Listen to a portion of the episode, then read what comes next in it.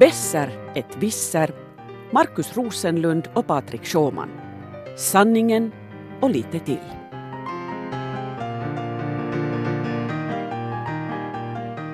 Du lyssnar på en Svenska Yle-podd som den här gången kommer ihåg Lehman Brothers. Ja, eh, personligen måste jag ännu lite le på Lehman Brothers, man har hört så mycket om dem, men det har ju faktiskt det där, eh, alltså det, det, det, hela de senaste tio åren har ju egentligen bara varit efterdyningar efter Lehman Brothers. Eh, kommer du ihåg, vad, när hörde du nyheten? Jag kommer ihåg mycket bra den, den här gången för tio år sedan. Jag var på sommarstugan, det var söndag, vi var på väg hem från, från landet till stan och det där, min mamma sa åt mig i förbifarten medan vi gick, eh, hon var med där och, och det där, hon sa åt mig i förbifarten medan vi gick ner mot båten att, att hörde du på nyheterna att de, den här amerikanska banken Lehman Brothers uh, har gått i konkurs och, och, jag var som att jaha, en bank har gått i konkurs än sen då, vad har det för, vad spelar det för roll för mig? Men det visade ju sig att det, det hade ju en viss det här. No, det hade en viss roll, men nu e, efteråt så kanske du känner dig lite dum att hur var jag så korkad så jag inte fattade hur stort det var. Men faktum är att du var ju inte alls ensam. Alltså nu förstod man ju att det var stort, men e, du är ju gott sällskap tänkte jag säga med eh, till exempel Jyrki Katainen som var finansminister på den tiden som gick ut och genast lugna finländarna och sa att det här kommer nu inte att ha någon större effekt på Finland överhuvudtaget och och man tänkte sig då att okej, okay, kanske lite när man börjar säga att det blir lite recession sen så man tänkte man att ja, men vi har ju ändå gjort skattelättnader i Finland och det kommer nog att motverka det här att så illa kan det ju inte vara att inte ordentliga skattelättnader ska kunna liksom råda bot på det här och se till att tillväxten fortsätter. Men, men det fick ju sen grymma följder. Finlands BNP sjönk med över 8 procent. Det gjorde det, det gjorde det, men det tog liksom en tid innan man förstod det faktiskt. Ja, ja. Och att man insåg uh, hur insyltade de europeiska bankerna hade varit i liksom de här amerikanska bolånen. Och det att saker och ting gick illa där, hur snabbt och i hur hög grad det faktiskt mm. ledde till problem i resten av världen och Europa, hur global den här recessionen blev och hur djup den blev. Så det, och det, den, men liksom som du har alldeles rätt, det, det störtdök ju sen riktigt på riktigt. Ja, och det, det finns ju de nu som påstår, till exempel den amerikanska författaren Adam Tooze som har skrivit en intressant bok som jag inte har läst men jag blev, jag blev lite tänd på att läsa den. Han drar ju grymma paralleller till med, med, med Lehman Brothers och ungefär allt ont som har hänt sedan dess. Han menar att äh, vet du, allt från Ukraina-kriget till Brexit till till jag vet inte vad, Trumps eh, eh, det här presidentskap, Vladimir Putin, allt det här är på något vis länkat till Lehman Brothers. När, ja, och dessutom de här eh, populistpartierna som stiger till makten i land efter land i Europa just nu. Det där är lite intressant. Jag måste börja också med att erkänna den här boken Crashed How a Decade of Financial Crisis Changed the World. Jag ska läsa den, men det har jag alltså inte gjort ännu. Mm. Den låter jätteintressant. Um, och, men utan att ha läst den, så, så, om jag vågar nu mig på en sån här bedömning från en häft, så den har ju blivit väldigt upplyft. Mm. Och då måste man ju säga att klart att han har rätt på sätt och vis. Mm. Samtidigt så, så, kan man också påstå att han har fel. Alltså, eh, det beror lite på synvinkel här. Alltså säkert har han jättebra poänger, det är därför den har blivit så hyllad. Men samtidigt är det ju så att ekonomin nästlar in sig i allting. Mm. Att det är ju omöjligt att se att en så här stor händelse inte skulle ha påverkat allt det där. Mm. Frågan är sen att det är ju inte liksom så att allt har bara berott på det. Nä. Men om vi tittar på Brexit till exempel, som eh, jag har också läst i en annan bok om det stora misstroende som vanligt folk hyser för bankirer i England. Mm. När det var eh, inför den här Brexit-omröstningen så var det någon professor som i norra England försökte komma och förklara åt folk att tro nu redan att, att om vi faktiskt lämnar EU så kommer det att påverka liksom Storbritanniens bruttonationalprodukt väldigt negativt, den kommer att sjunka. Mm. Och då var det någon äldre dam i publiken som replikerade att det är din bruttonationalprodukt, inte vår. då, då har man ju liksom det, det hemska är ju att, att så är det ju inte. Det, när, bruttonational, när bruttonationalprodukten sjunker så det påverkar ju alla, det slår ut mot alla i hela samhället mm. på sätt eller annat förr eller senare och folk blir arbetslösa och åldringar får sämre åldringsvård och hälsovården blir sämre. Men, men i det här fallet så var det sådär, liksom, det var ett fint ord som bankirer använder och svänger sig med och som vanligt folk blir mera arga på. Min mormor som var lärare någon gång på 60-talet, och före det så berättade en story om när några ligister hade sönder fönster i, i, i skolan där hon hon var lärare och, och, hon försökte förklara åt dem att det här betalas sen med, med skattemedel. Och de var som att ja, sen då skattemedel, vad har jag med det att göra? liksom. det var kanske, äh, jag undrar, de här listorna var kanske då lite yngre och betalade ja, inte? Ja, de, de var vet du, glin, 12-åriga glin och sådär. Så. Nej, ja, klart, de betalar ju inte skatt och så långt som till att föräldrar betalar skatt, så det förstår man ju inte. Ja. Nej, det är lite samma princip faktiskt. Ja. Där, där är det. Men, men ja, alltså Säkert har ju britterna påverkats av det här och, och andra också, just, just i länder där populisterna har gått, gått framåt. För folk blev ju, de blev ju förbannade på, på det här sättet som man plötsligt staten öppnar sina kassakistor och, och USA räddade de här, den här AIG försäkringsbolaget och de här, uh, de här fastighetsbolagen Fannie Mae och Freddie Mac räddades och Merrill Lynch och alla de här. Folk tyckte ju att det här är ju helt fel, att det finns folk som, som lider och, och så, så liksom ger ni pengar åt, åt de här bortskämda bankerna som, som inte har kunnat sköta sina affärer dessutom. Eh, folk tänker ju inte sen på att om man inte skulle ha räddat de där så, så hade ju marknaden gått eh, ännu mera eh, åt helsike. Och... Här är ju det intressanta att, att man har kritiserat äh, myndigheterna i USA och de finansiella myndigheterna för att inte ha räddat Lehman Brothers. Mm. Uh, och de har då försvarat sig efteråt med att säga att det berodde på att de här andra som de räddade, de hade uh, säkerhet för de här lånen, så man kunde vara säker på att skattebetalarna får tillbaka sina pengar. Mm. Faktum är att det visade sig att det hade Lehman Brothers också egentligen. Därför tyckte ju Lehman Brothers att de borde få liksom bli räddade, de borde få de här pengarna och skulle de ha fått dem så skulle det kunna vara ett väldigt sannolikt ett väldigt framgångsrikt finanshus fortfarande idag. Mm. För det är ju det som har hänt med de här andra, att det liksom gick väldigt snabbt bra för dem ja. och, de, och de har betalat tillbaka pengar och man förstår det här, men den här krisen som nu utlöstes då den hade ju, jag menar, ingenting är nu så enkelt att allt berodde bara på Lehman Brothers. De hade problem med den där bolånekrisen redan tidigare i USA. Mm. Men den här krisen utlöstes ju av det att man inte stödde Lehman Brothers då, den gången. Mm. Och, och, jag menar, och, och, man förstår ju när man såg effekten av Lehman Brothers att man blev lite sådär, fick kalla fötter och insåg att man inte ska låta samma sak hända de här andra finansinstituten. Ja, precis. Men, men det här, den här omedelbara grejen, alltså det här giftet som tog mer eller mindre kol på marknaden då, det var ju inte liksom Lehman Brothers i sig, utan det var det att förtroendet för marknaden uh, dog mer eller mindre helt, så folk vågade inte, inte längre låna åt varandra.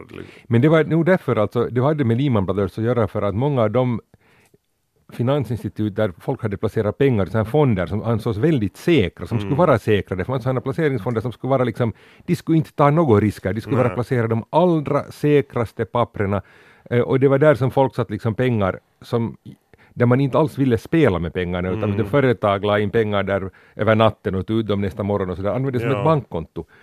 Och de hade placerat i Lehman Brothers aktier för att de var mm. så jättetrygga och säkra. Ja. Och då hade man plötsligt liksom för första gången så att sådana här placeringar sjönk i värde. Du fick inte ut samma sak som du hade satt in. Och det här liksom det var, hade en enorm psykologisk effekt, den här ja. typen av saker. Plus att marknaden var väldigt uh, svåröverskådlig, alltså de här finansieringsinstrumenten, de här investeringsmekanismerna hade blivit så otroligt komplicerade så det var, ingen kunde på riktigt få en, en bild av vad som dolde sig bakom de här uh, rubrikerna på, på, på, på rutan. Att du kunde inte vara helt säker på att finns det Lehman Brothers eller något annat subprime stuff där i det här. Och subprime stuff här, kort emellan, det är ju alltså att när man hade eh, understött det här ägandeboende i USA och mm. låna åt personer för bostäder, alltså personer som egentligen kanske inte borde ha fått de här lånen, mm. där man sa att de hade inte riktigt pengar och kanske inte riktigt inkomster och hade inte riktigt råd, borde inte haft liksom,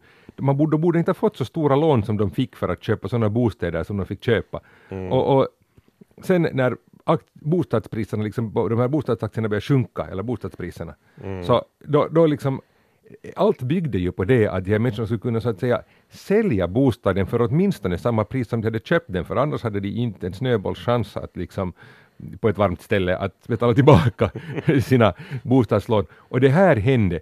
Och, och i de här komplicerade äh, arrangemangen, en av idéerna här var ju det att man tänkte sig att man sprider den här risken av de här människorna väldigt långt och väldigt komplicerat så att man, att olika stadsdelar, olika allting, man liksom spred väldigt komplicerade sätt så tänkte man att man minimerar risken med att blanda ihop det här till en liksom väldigt svåröverskådlig soppa. Mm. Och det visade sig att när bostadspriserna sjönk lite överallt så inte hade man någon trygghet där inte. Mm, men jag tror nog också att det här är en orsak till att vanligt folk sen har tappat för, förtroendet för marknaden så att säga. Och det här har gett spelrum för all världens populister och, och andra för, för, för eh, ekonomin, det, marknaden har blivit liksom till en, till en svart magi nästan, det har blivit alkemi vet du, du ska vara just en kvantitativ analytiker, det, det är de här... Ja, det vet ju alla, de är minst som de onda trollkarlarna i Harry Potter, det är allmänt känt. Voldemort med en laptop, det är nog lite någonting... det, det är där vi har dem. Ditåt.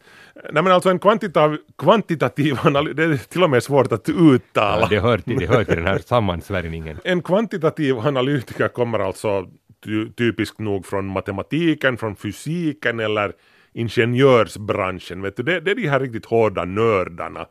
Det, det är personalen i, i finansmarknadens maskinrum just nu. För, för finansmarknaden just nu det är inte en sal mera uh, som man tänkte på tidigare där, där folk sitter bakom pulpeter och, och räcker upp handen att nu vill jag köpa det här och Nej, det här. det Eller springer omkring med lappar utan det, allting, det, allting styrs av datorer som köper och säljer aktier i en allt mer hektisk takt. Alltså vet du, en, en, en eh, algoritmhandlare, en, en robot, robothandlare kan göra flera tiotals tusen affärer uh, i sekunden. Det har ju till och med gått så långt att de vill vara placerade så nära, alltså rent fysiskt, Ja, de ja. här liksom, handelsplatserna och börsarna som möjligt. Bara därför för att den här kabellängden som går från datorn till den här börsens dator har en betydelse. Att, att om man har liksom lite kortare kabel så då, då kan man hinna köpa före konkurrenten som bor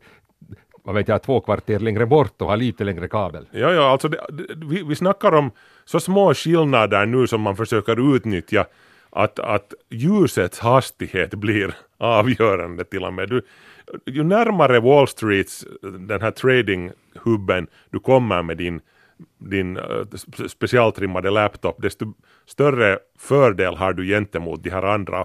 Och, och kan du dessutom positionera dig så strategiskt du kan just mellan New York och London, vet du, de här riktigt hårda typerna lär eh, placera sig någonstans där på, i Newfoundland för att det är halvvägs mellan London och, och just där på de här optiska fibrerna som förbinder, förbinder London och, och, och det där.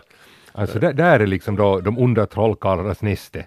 Nå no, typ ja. Men alltså eh, kvantitativa analytiker de, eh, det, det, har, det har lett till att man har skapat vet du, helt nya utbildningsprogram för, för de här eh, sådana program som financial engineering, mathematical finance, computational finance, mathematical eh, financial engineering, operation, operations research, computational statistics.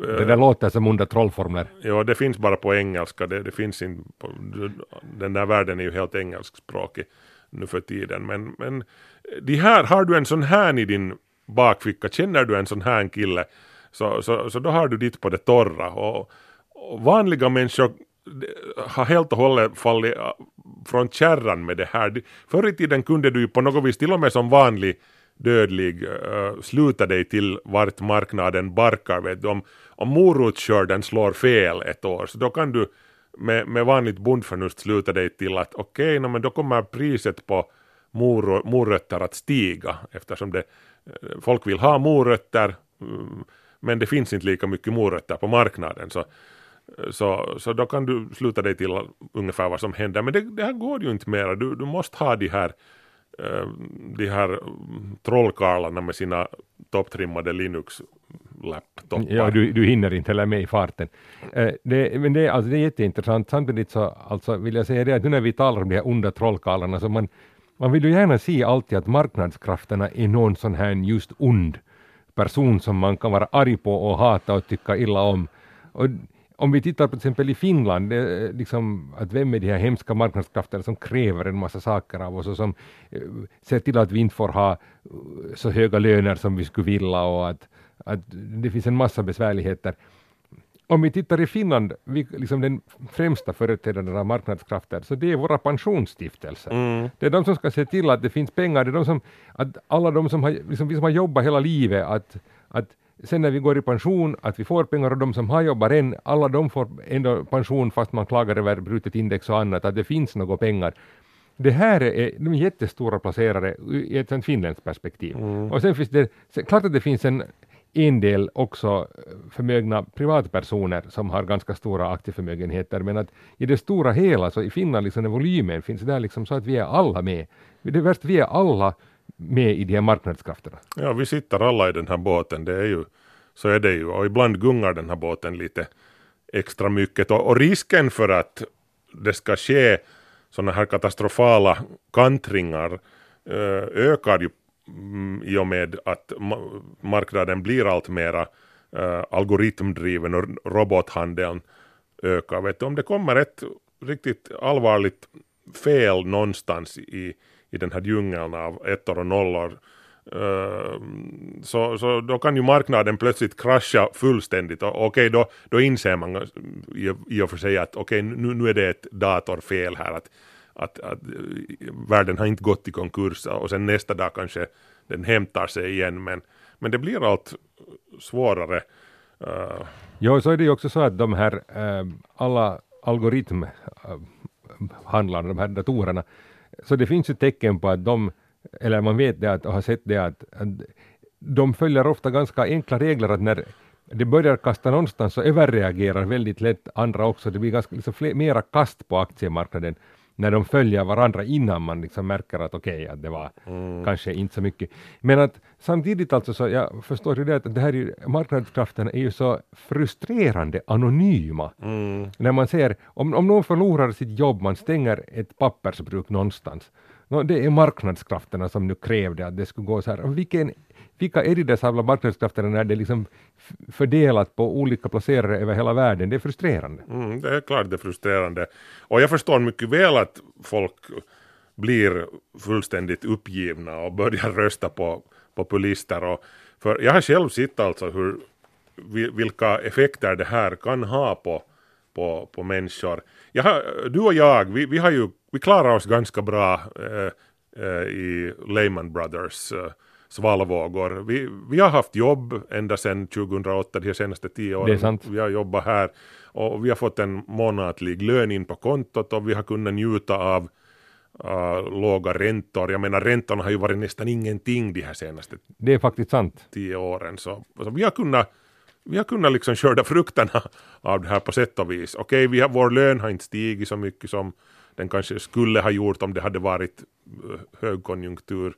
Men, men jag menar, vadå? Ja, så det är alltså lika bra som högkonjunktur, det är ju inte, men de här riktigt eh, hemska effekterna av en lågkonjunktur slår ju inte helt jämnt. Nej, nej. Det är ju det att det, när bomberna börjar falla, så det är ju det som är det ironiska med det här att när de här finansbomberna börjar falla så, så de som träffas, de uh, utplånas ju fullständigt i värsta fall medan, medan en massa människor kan gå där och se de här bomberna falla och jaha, no, men vi går till Prisma då. Vad ska vi göra senare? Vi går på bio.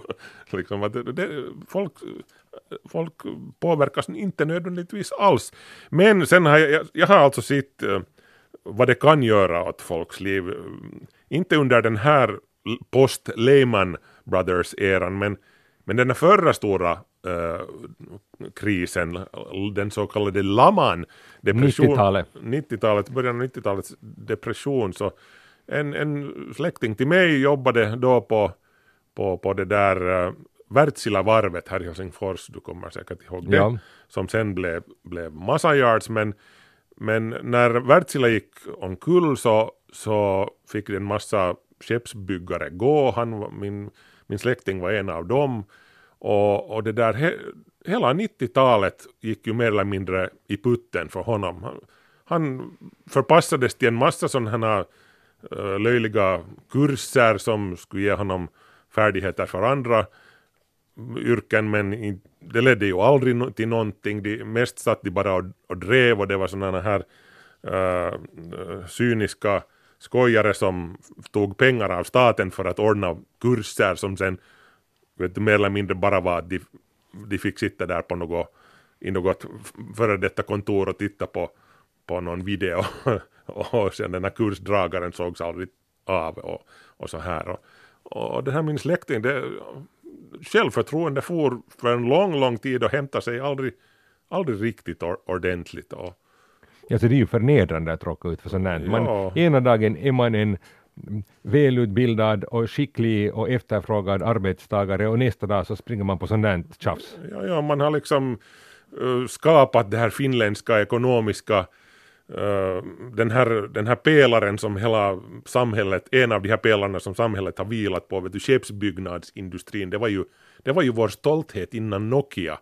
Och, och sen, sen gick den omkull den pelaren och, och, och sen fick vi ju Nokia, det var ju Nokias, uh, uh, Nokias uh, ska vi säga förtjänst att vi, vi tog oss ur, ur den här 90-tals... Till stor del, eller det hade, varit, hade faktiskt en stor roll. Jag har ju själv också bott i en stadsdel i östra Helsingfors, Kvarnbäcken, var arbetslösheten har varit ganska hög. Och det var just till stor del den där generationen, alltså folk som hade varit över 50 mm. när 90-talets depression slog till.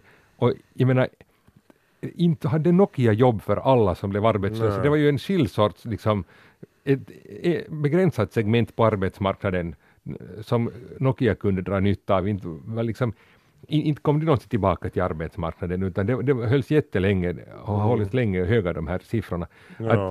Att, att en sån här depression slår ju ut lätt väldigt många och sen hade det åtminstone tidigare varit så att, att vi har inte i samhället klarat av att så att säga utbilda om folk eller, eller hitta nya jobb på det sättet att, att de skulle liksom kunna, som vi ju talade om faktiskt i senaste podd, mm. så det, där, det här är ju ett, så det har ofta blivit sådana R i samhället som har fortsatt väldigt länge. Mm, ja.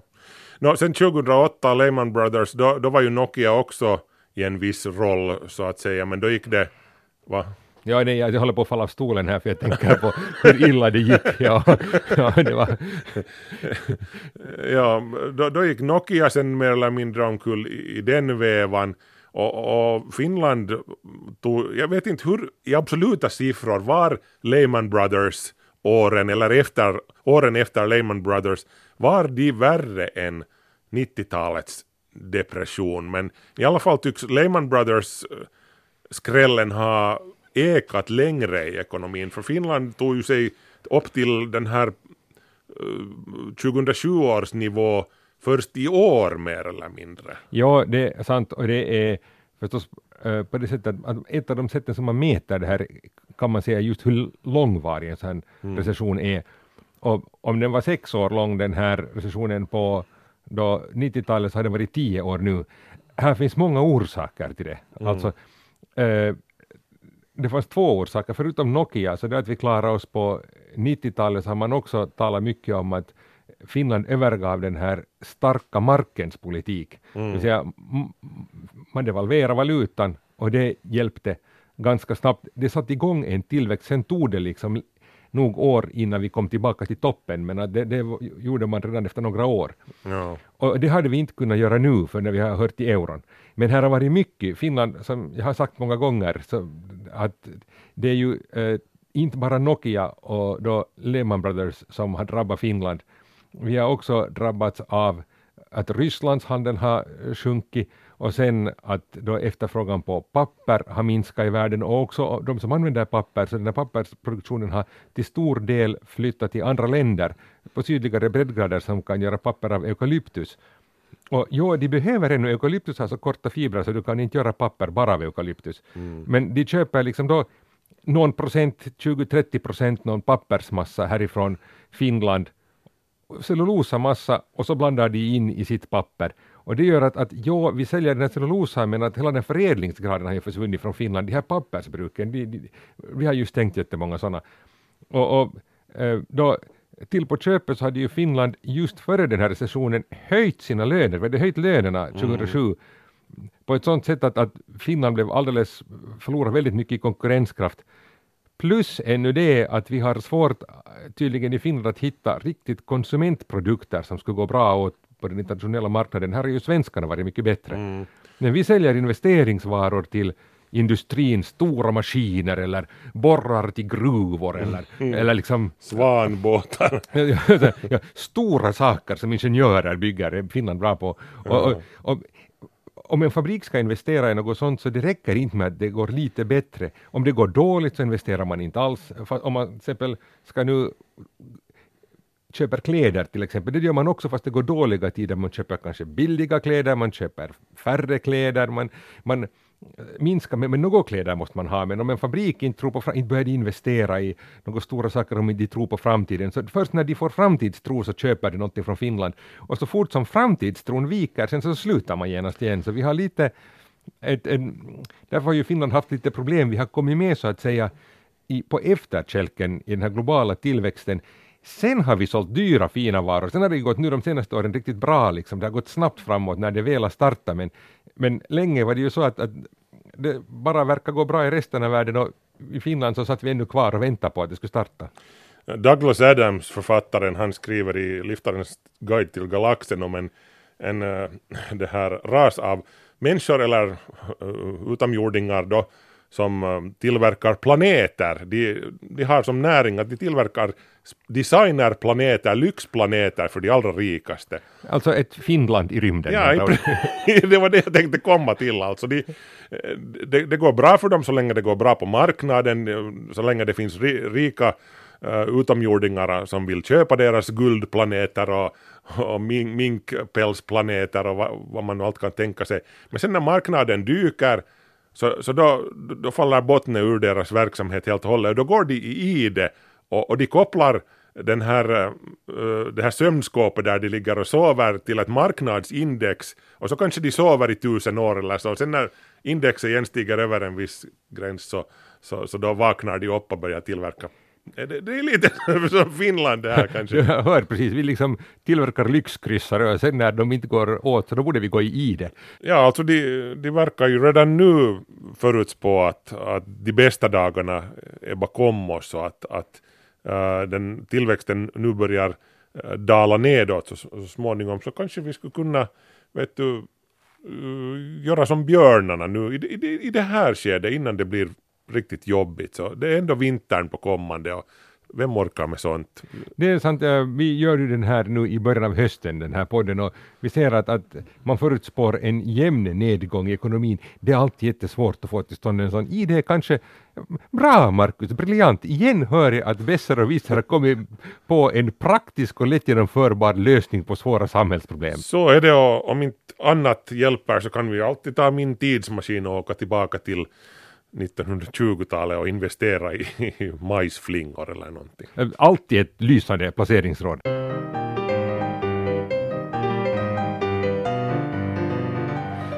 Jag tror vi här går till att säga att du har lyssnat på en svenska yllepodd med Marcus Besser Rosenlund och Patrik Visser Sjåman. Vi är tillbaka på en gyllene planet nära dig.